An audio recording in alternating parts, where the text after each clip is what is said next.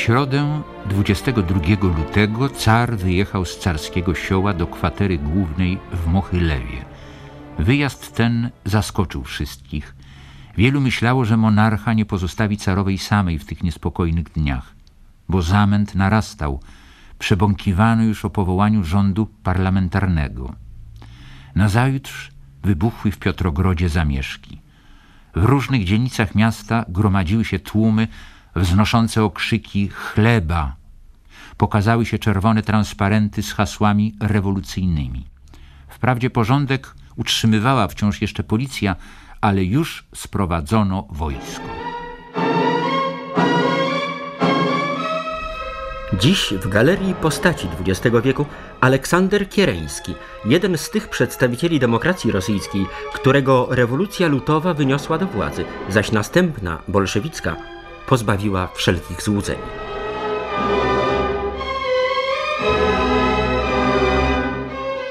Ale na razie, według obowiązującego wówczas w Rosji kalendarza juliańskiego, są ostatnie dni lutego 17 roku i w Piotrogrodzie wrzenie coraz potężniejsze.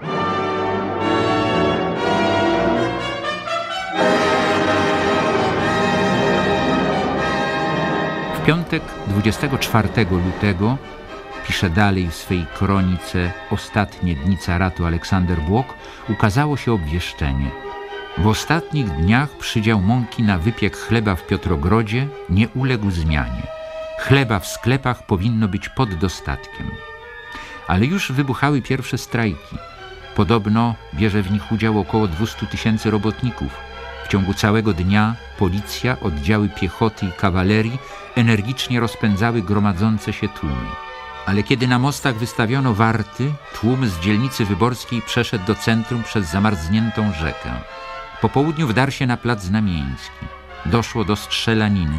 Na wiecu przed pomnikiem Aleksandra III wołano precz z policją, niech żyje Republika.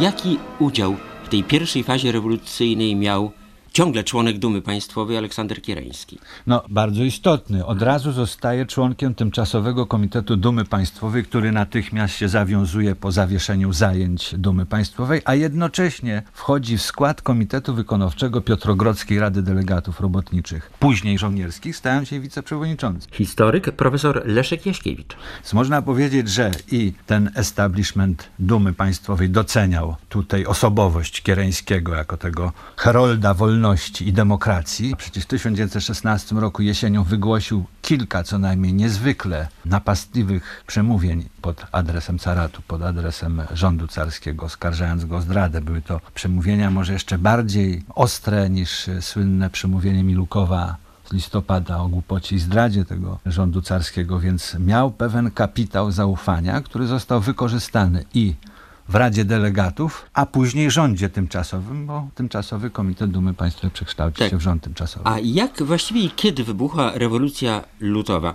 Paradoksalnie, ale o tej rewolucji wiemy stosunkowo mniej, prawda? Przyćmiła tak, ją no. późniejsza rewolucja październikowa. To nie tak, że przyćmiła, tylko przyćmiono ją, tak, żeby oczywiście. bardziej uwydatnić rolę i przebieg rewolucji październikowej. Chociaż zasadniczy przełom, obalenie caratu nastąpił właśnie wtedy. Tak jest. Właśnie I w lutym. W, w ogóle tak. trzeba powiedzieć, że to jest jedna rewolucja. Doktor Aleksander Achmatowicz. Tylko przewrót bolszewicy stał się możliwy w warunkach, jakie zaistniały Więcej, w Rosji. rewolucja lutowa była rewolucją masową, Rząd tymczasowy uzyskał wówczas bardzo znaczne masowe poparcie, a zachwianie proporcji nastąpiło w ocenie tych wydarzeń później ze względów zupełnie pozamerytorycznych. Choć przewrót październikowy w istocie był dobrze zorganizowanym zamachem stanu, bez symptomów masowego poparcia. Tak, ale jaki przewrót towarzyszył wydarzeniom w końcu lutego 17 roku? Pana, ja będę operował kalendarzem współczesnym. Ona się nazywa lutową, dlatego że według rosyjskiego kalendarza ówczesnego no to tak, się zaczęło w końcu lutego.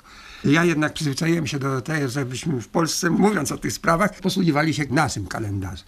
Otóż wypadki zaczęły się formalnie od strajków robotniczych, od demonstracji głodowych i demonstracji ulicznych w Piotrogrodzie 8 marca. Przez cztery kolejne dni te demonstracje narastały, już trzeciego dnia przekształciły się w praktyce w strajk powszechny. W niedzielę czwartego dnia wojsko na skutek polecenia cara nadanego z Muchy Lewa tam zmieściła się kwatera główna, przy której car przebywał. Wojsko wyprowadzone na ulicę zaczęło strzelać do tych demonstrantów. Chcący czy nie chcący. To znaczy nawet bardziej istotnym momentem tych dni jest to, że większość wojska garnizonu Piotrogrodzkiego odmawia wystąpienia przeciwko demonstrującym i strajkującym przyłączając się do nich nawet. Tak, ale to przyłączenie to się... decydujący moment o powodzeniu tej rewolucji. Więc właśnie, na wiadomość, że wojsko strzela na ulicy, inne oddziały żołnierskie zaczęły się buntować. Natomiast decydujący zwrot nastąpił w poniedziałek, czyli już piątego dnia tych wydarzeń, kiedy to z rana w koszarach Wolnickiego Pułku Gwardii nastąpił bunt żołnierski. Wylał się wielką demonstrację, która ruszyła na spotkanie robotników w dzielnicy wyborskiej. Pociągnęli ci wolniacy za sobą żołnierze z sąsiednich koszar i stopniowo w ciągu dnia przyłączali się do nich inni żołnierze. Tym, że dowództwo, zauważywszy co się dzieje, czym prędzej wojsko wycofało do koszar, zamknęło, żeby nie przerzuciło się całkowicie na stronę rewolucji. I tu jest tak, więc praktycznie o powodzeniu rewolucji zadecydował fakt niemożność opanowania stolicy Piotrogrodu przez siły rządowe. Właśnie. Okazało się, że dowództwo jest bezsilne. Przykład Piotrogrodu promieniował na postawę wojsk liniowych na froncie przecież, trzeba powiedzieć. Innych miast Tutaj nie ma jakiegoś takiego silnego punktu, w którym można być, już się rewolucja skończyła. A Jakimś dołączyli... bardzo spektakularnym jej wyrazem będzie abdykacja Mikołaja II w Pskowie, w wagonie, prawda, z 2 na 3 tak, czyli marca 1917 roku. To jest ten punkt przełomowy rewolucji lutowej. 26 lutego carowa depeszowała do Mikołaja II. Rewolucja przybrała wczoraj groźne rozmiary, a nazajutrz w Piotrogrodzie wybuchło powstanie. Car, pełen wahań i niezdecydowanych gestów, postanawia wreszcie wrócić do stolicy. Jego pociąg zatrzymuje się po drodze w Pskowie. Tam 2 marca po śniadaniu przychodzi do monarchy przybyły z Piotrogrodu generał Rudzki z najnowszymi depeszami.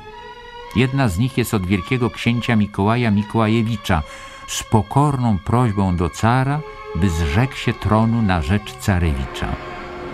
Po rozmowie z Różskim Mikołaj postanawia odpowiedzieć depeszą wyrażającą zgodę na abdykację. Był to wstrząs dla najbliższego otoczenia. Ubolewano, że najjaśniejszy Pan postąpił zbyt pochopnie. Gdy car, pozornie spokojny, długo przechadzał się między pociągami, Dubieński stał w oknie swego przedziału i płakał.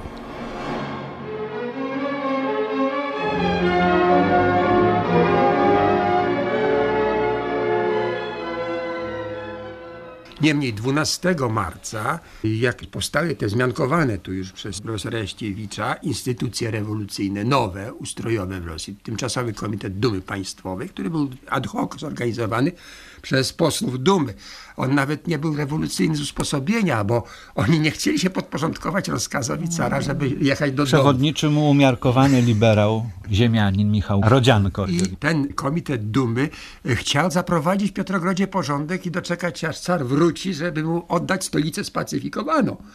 Natomiast z demonstracji, które się rozpoczęły spośród wyzwolonych z więzień, Piotrogrodzie, działaczy socjaldemokratycznych i innych, razem z działaczami legalnych organizacji robotniczych ówczesnych, związków zawodowych, kas samopomocy na przykład fabrycznych, razem z lewicowymi socjaldemokratycznymi posłami do Dumy i udziałem Kiereńskiego utworzono tę Radę Delegatów, Sowiet Piotrogrodzki, który rezydował od początku obok Dumy Państwowej. No i zaczyna się ten okres dwuwładzy tak zwany, między oficjalnym rządem tymczasowym i organem tych zrewolucjonizowanych mas i żołnierzy Radą Piotrogrodzką delegatów.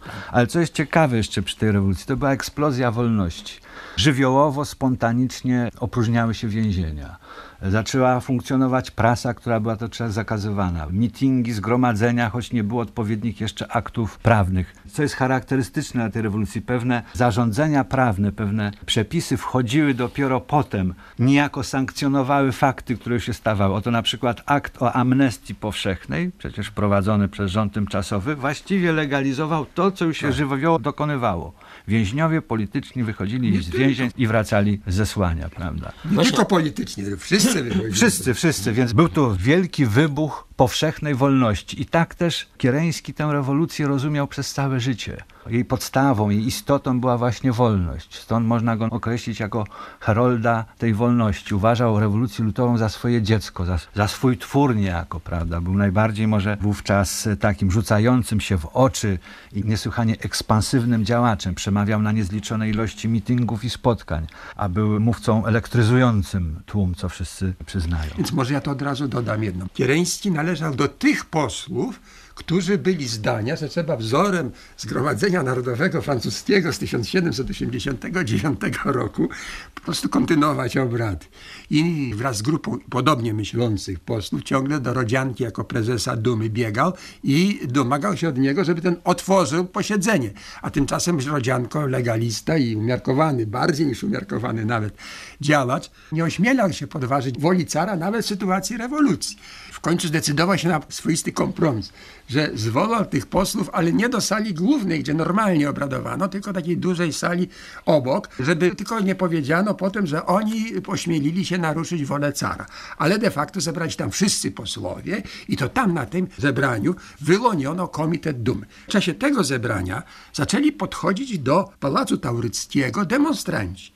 I Kiereński należał do tych, którzy natychmiast wybiegli przed Pałac Taurycki, żeby powitać tych ludzi i niejako stworzyć jedność między nimi a dumą co nie było wcale w smak bardzo wielu posłom dumskim, którzy z tą demonstracją woleli nie mieć nic wspólnego.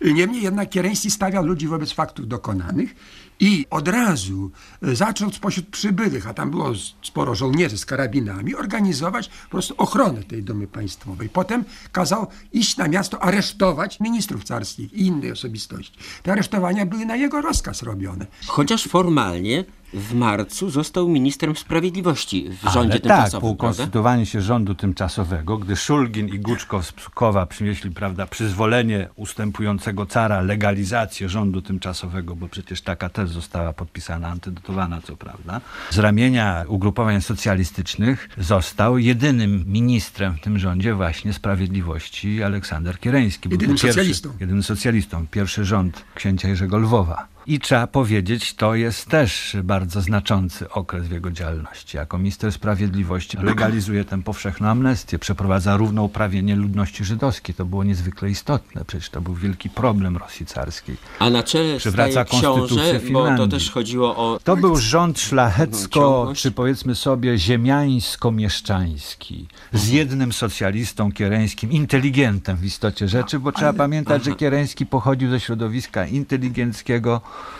Jego ojciec był przecież dyrektorem gimnazjum w Symbirsku, w mieście, w którym urodził się jego antagonista. Lenin, ba, nawet e, Lenin przechodził do tegoż gimnazjum, którego dyrektorem był jego ojciec Fiodor Kiereński.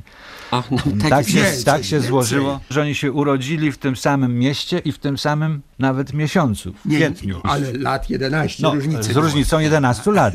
Kiereński jest- był o 11 lat młodszy. Tak, w jest- 1881 Tak, urodził jeszcze jedno. Otóż kiedy Lenin zdawał maturę, jego brata wieszano w Szliserburskiej twierdzy przecież Aleksandra Uljanowa za nieudaną próbę zamachu na cara.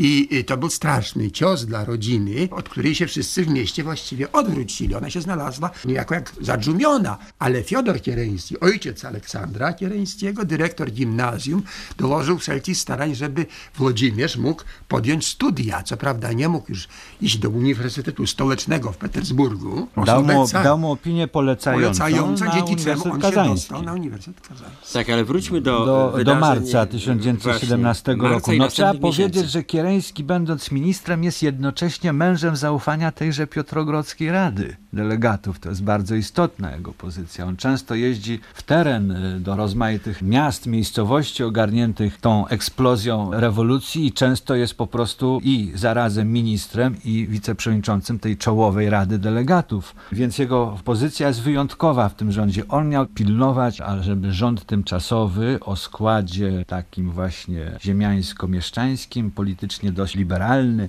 nie tak znowu mocno rewolucyjny, nie zaprzepaścił zdobyczy tej rewolucji. Tak, ale jeśli można, Kiereński wszedł do rządu tymczasowego wbrew woli Rady. I wreszcie go olśniło, jak pisze w swoich pamiętnikach. Przyszedł na posiedzenie Sowietu Piotrogrodzkiego, poprosił o głos w trybie nadzwyczajnym i wygłosił jedno z największych swoich przemówień, którym powiedział, że jest wiernym rewolucjonistą, wiernym idą tej rewolucji lutowej i jeżeli tylko masy, Sowiet Piotrogrodzki zażądają, on poda się do dymisji, ale on teraz chce przyjąć stanowisko ministerialne, żeby w rządzie tymczasowym dopilnować, aby nie był on kontrrewolucyjny. I taką formułę Sowiet Tak. Piotrogrodzki Co więcej, on, on cały czas uważał się za, w tym rządzie już kiedy nim się znać, zakładnika demokracji, jak to określał. W maju Aleksander Kiereński zostaje ministrem spraw wojskowych w rządzie tymczasowym. Tak, ministrem wojny i marynarki. To jest y, no, związane z wydarzeniami kwietniowymi, gdy to Milukow przedstawia tak zwaną notę do ministrów spraw zagranicznych, która spotyka się z pewnym protestem części ugrupowań socjalistycznych. Kiedy staje kwestia kontynuowania wojny. kontynuowania wojny, wywiązywania się przez Rosję Zobowiązań, z tak. zobowiązań powziętych wobec sojuszników, wobec aliantów. Tak. No, wojna była bardzo niepopularna, był to już trzeci rok trwania wojny, zaznaczył się silny kryzys aprowizacyjny, wszystkie dolegliwości związane z wojną, zmęczenie społeczeństwa, zmęczenie wojsk, dezercje, więc ten wysiłek wojenny Rosji zaczynał być bardzo krytykowany. Organizacja armii, organizacja tego wysiłku wojennego przez aliantów. Kiereński, chcąc jako dać do zrozumienia, że politykę udziału Rosji w wojnie popiera szerokie spektrum polityczne, włącznie z socjalistami, godzi się na propozycję przyjęcia bardzo newralgicznego stanowiska ministra wojny. Sam jest zwolennikiem zresztą kontynuowania wojny aż do zwycięskiego końca. Być może z tego powodu często odkładał kwestię zwołania konstytuanty, zgromadzenia ustawodawczego, prawda, to była wielką ideą Kiereńskiego. Pierwotnie była planowane wybory i, i zwołanie tej konstytuanty na sierpień 1917 roku, potem w związku z perturbacjami, jakie zaistniały wówczas y, politycznymi na listopad, no realizował, jak wiemy, to zwołanie, a potem rozpędzenie tej, tej konstytucji, to inny bol- bolszewicy. Jako minister wojny Kiereński stał się głośny dzięki tak zwanej czerwcowej ofensywie. No, Lipcowy według naszego kalendarza. Według naszego kalendarza, kalendarza Gregoriana Lipcowej. No, ta ofensywa miała przynieść wielki sukces, podbudować morale armii, wiarygodność Rosji, a także przecież i nastroje wewnętrzne. Jeśli można dodać jedną rzecz, mnie się zdaje istotną, mianowicie, że przygotowania do tej ofensywy to okres największych sukcesów Kiereńskiego jako przywódcy. Jak to wyglądało, bo to bardzo obrazowo jest powiedziane, mianowicie Kiereński wykazał w owym czasie zdumiewającą aktywność. Zrobił wszystko, co było w mocy człowieka, wszędzie. W okopach, na okrętach, na defiladach, na posiedzeniach sowietów żołnierskich, na zgromadzeniach publicznych w teatrach, we władzach miejskich, w Helsingforsie, Rydzie, Dźwińsku, dzisiaj to Deneburg, w Kamieńcu Podolskim, Kijowie, Objeżdżał wojska frontowe, wygłaszając Odessy. płomienne przemówienia już na No, linii frontu. w Odessie i Sewastopolu. Mówił wciąż i wciąż o wolności, o ziemi, o braterstwie narodów i o bliskiej już świetlanej przyszłości. Tu jest aluzja do tego, że Kiereński mówił, no jeszcze tylko ta ofensywa, wygramy i zawrzemy pokój. Agitacja Kiereńskiego była prawie cały czas pasmem jego sukcesów. Wszędzie noszono go na rękach, obsypywano kwiatami. Wszędzie rozgrywały się sceny niebywałego entuzjazmu, których opisy tchnęły powiewem legend z epok heroicznych. Do nóg Kiereńskiego, wzywającego na śmierć, rzucano ordery, po to, żeby miał czym dekorować nowych bohaterów. Kobiety zdejmowały swoje kosztowności i z imieniem Kiereńskiego na ustach składały je na ołtarzu zwycięstwa. I często mdlały Tak. y, w toku tych Tak, dostawały te przypadki histerii, ale on ten kapitał stracił po paru tygodniach. Niestety po początkowych sukcesach, bardzo zresztą wątłych, ta ofensywa załamała się wskutek niezbyt dobrego, należytego przygotowania moralnego wojsk. Nie było w masach żołnierskich tego zapału, tego entuzjazmu, który na pewno towarzyszył armii rosyjskiej na początku wojny. No to znacznie poderwało pozycję polityczną Kieleckiego. Tym bardziej, że bolszewicy w czerwcu po raz kolejny wystąpili z demonstracjami przeciwko polityce rządu tymczasowego. Przyjęli wówczas taktykę wojna wojnie. Dyskredytowali Kiereńskiego, rząd tymczasowy. Więc bolszewicy stają się coraz bardziej problemem rewolucji rosyjskiej. Między 3 a 5 lipca bolszewicy podjęli próbę ataku na rząd tymczasowy wielkich demonstracji w Piotrogrodzie, także z użyciem oddziałów wojskowych.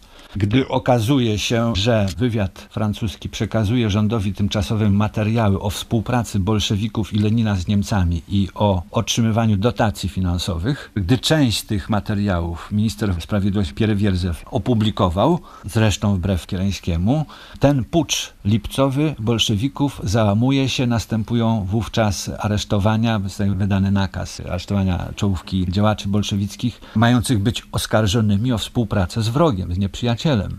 Tak. Do tego nie dochodzi. Do postawienia bolszewików przed sądem, przed Kiereńskiego nigdy nie dochodzi. Ciągle Kiereński bolszewików oszczędzał. Ale pojawiając się 7 lipca w Piotrogrodzie, przejmuje on stanowisko premiera.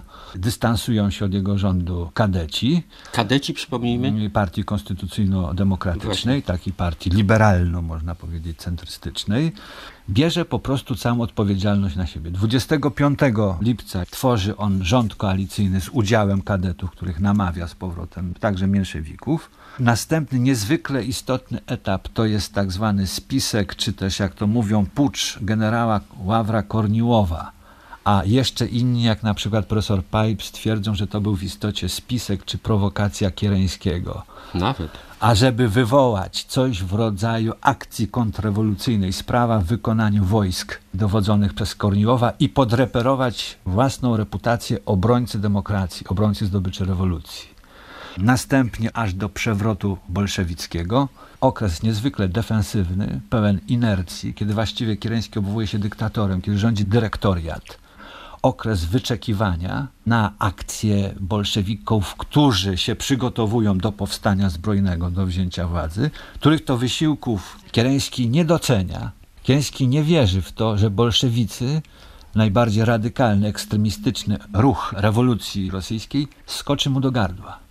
Bardziej się boi kontrrewolucji sprawa. Ma obsesyjną obawę przed dyktaturą wojskową, przed mobilizacją, a przecież taka następuje, sił promonarchistycznych, które na fali rozprawy z ekstremizmem bolszewickim zmiotą także jego Kiereńskiego i jego demokratyczno-rewolucyjny rząd. Czyli kontrrewolucja sprawa wydawało mu się zdolna zatopić wszystko. Kiedyś zawsze uważał bolszewików za krnąbrne dziecko rewolucji, dziecko nieznośne, ale jednak będące w obozie tej rewolucyjnej demokracji. I to będzie wielki błąd dowodzący pewnej krótkowzroczności Kieleńskiego, ale któż wówczas był tak daleko no żeby sądzić, że bolszewicy zdobędą władzę, wprowadzą terror i zapoczątkują system totalitarny w Rosji. Tego jeszcze nikt nie przewidywał. Sam Lenin był traktowany z wielką wyrozumiałością przez Kieleńskiego. Kieleński bardzo pragnął się spotkać z Leninem. Sądził, że Lenin ze swoim ekstremizmem, ze swoim jakobinizmem rewolucyjnym nie rozumie sytuacji rosyjskiej, jest oderwany od tej rzeczywistości, chciał ją wytłumaczyć. Okazało się, że sytuacja była odwrotna. To Lenin uważał Kieleńskiego za człowieka, który nie rozumie istoty chwili, za człowieka środka, a zdaniem Lenina ludzie środka nie mają w polityce rosyjskiej przyszłości, że fala rewolucyjna i wydarzenia ich zmiotą, co zresztą stało się faktem.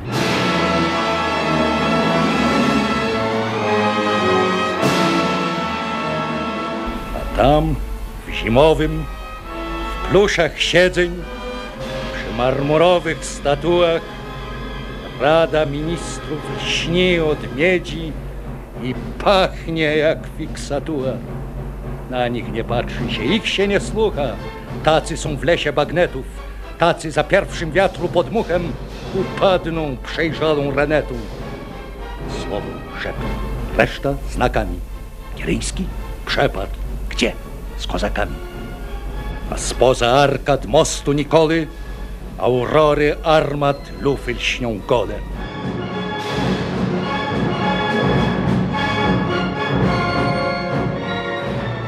Kiedy już zamach się dokonał, kiedy na ulicach Piotrogrodu panował ogromny zamęt i nie wszyscy przecież poszli za bolszewikami, co ów dyktator kiereński, jakie podjął kroki? Trzeba pamiętać jeszcze o jednej bardzo istotnej sprawie. Stosunki z armią kiereńskiego popsuły się w sposób dramatyczny po puczu Korniłowa. Czyli to był dyktator po, bez armii? Już po ataku bolszewików na Badzimowie, Kiereński w przebraniu samochodem poselstwa amerykańskiego udaje się do wojsk w Pskowie, do trzeciego korpusu kawalerii dowodzonego rządzonego wówczas przez Krasnowa i prosi o wsparcie. Te wojska są mu wybitnie niechętne. Prosi kozaków, nie uzyskuje tego wsparcia. Wojsko nie okazuje determinacji w obronie rządu tymczasowego, który jego zdaniem skompromitował się. Ale trzeba sobie powiedzieć, tak jest przynajmniej moje zdanie. Swoją taktyką, swoją nieumiejętnością pozyskania poparcia bardzo ważnych czynników rzeczywistości, jakim była armia, Kiereński otworzył drzwi do przewrotu bolszewickiego.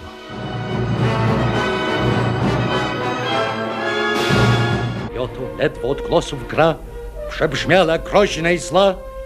Nad cytadelą podniósł się blask, powstania umowny znak. Po dobremu władzę zostaw, już nie ma gdzie iść ci. Na zimowy prą od mostów czerwonogwardziści. Nagle na rogu Michajłowskiego zjawił się samochód pancerny. Lufy jego karabinów maszynowych obracały się na wszystkie strony. Cała ulica przed dumą była wypełniona tłumem. Tu i ówdzie stali czerwonogwardziści i marynarze z bagnetami na karabinach.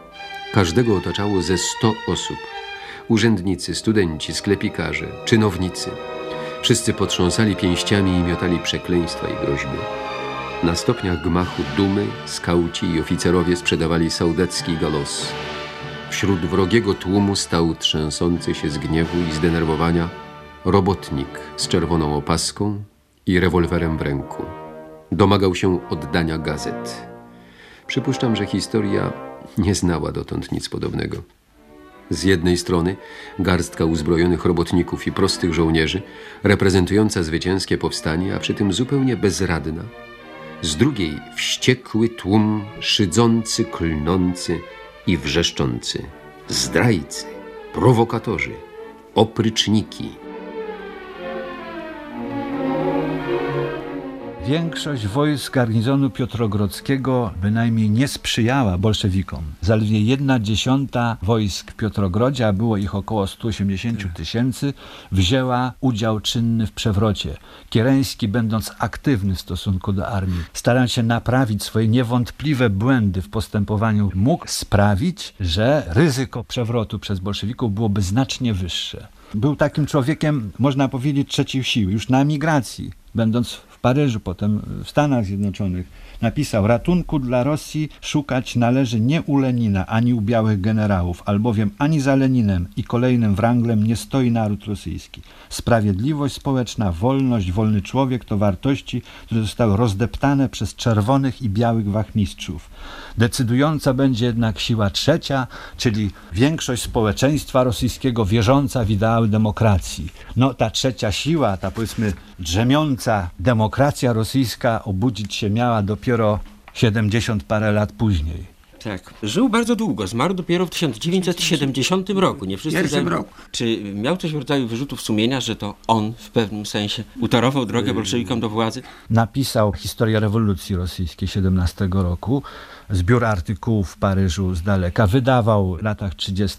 czasopisma, ale Kiereński nie dokonuje rozrachunku swoją działalnością. Tak, ale jego pracach. publikacja razem z amerykańskim uczonym Browderem dokumentów rewolucji 17 roku świadczy o tym, że usiłował jednak odeprzeć zarzuty, które ze wszystkich stron na niego padały. On był przecież najbardziej Atakowany przez wszystkie właściwie tendencje polityczne, od prawicowych na Także emigracji wiedział, że jest tym, któremu się przypisuje rezultat tej rewolucji dojścia bolszewików. No, oczywiście, wiedział, co się dzieje. Określał stalinizm jako jedną z największych zbrodni w historii ludzkości. Uważał, że bolszewizm jest socjalizmem głodu i nędzy i bez wolności nie ma socjalizmu Ale kiedy, faktycznie. wtedy, kiedy mógł Kiedy- przeciwdziałać, zabrakło mu wyobraźni. Moim zdaniem tak, okazał się człowiekiem, który nie potrafił dostrzec grozy chwili, zrozumieć tego, że ważą się losy Rosji i demokracji rosyjskiej. Trwał w bezruchu, trwał w pewnym hamletyzmie, można powiedzieć.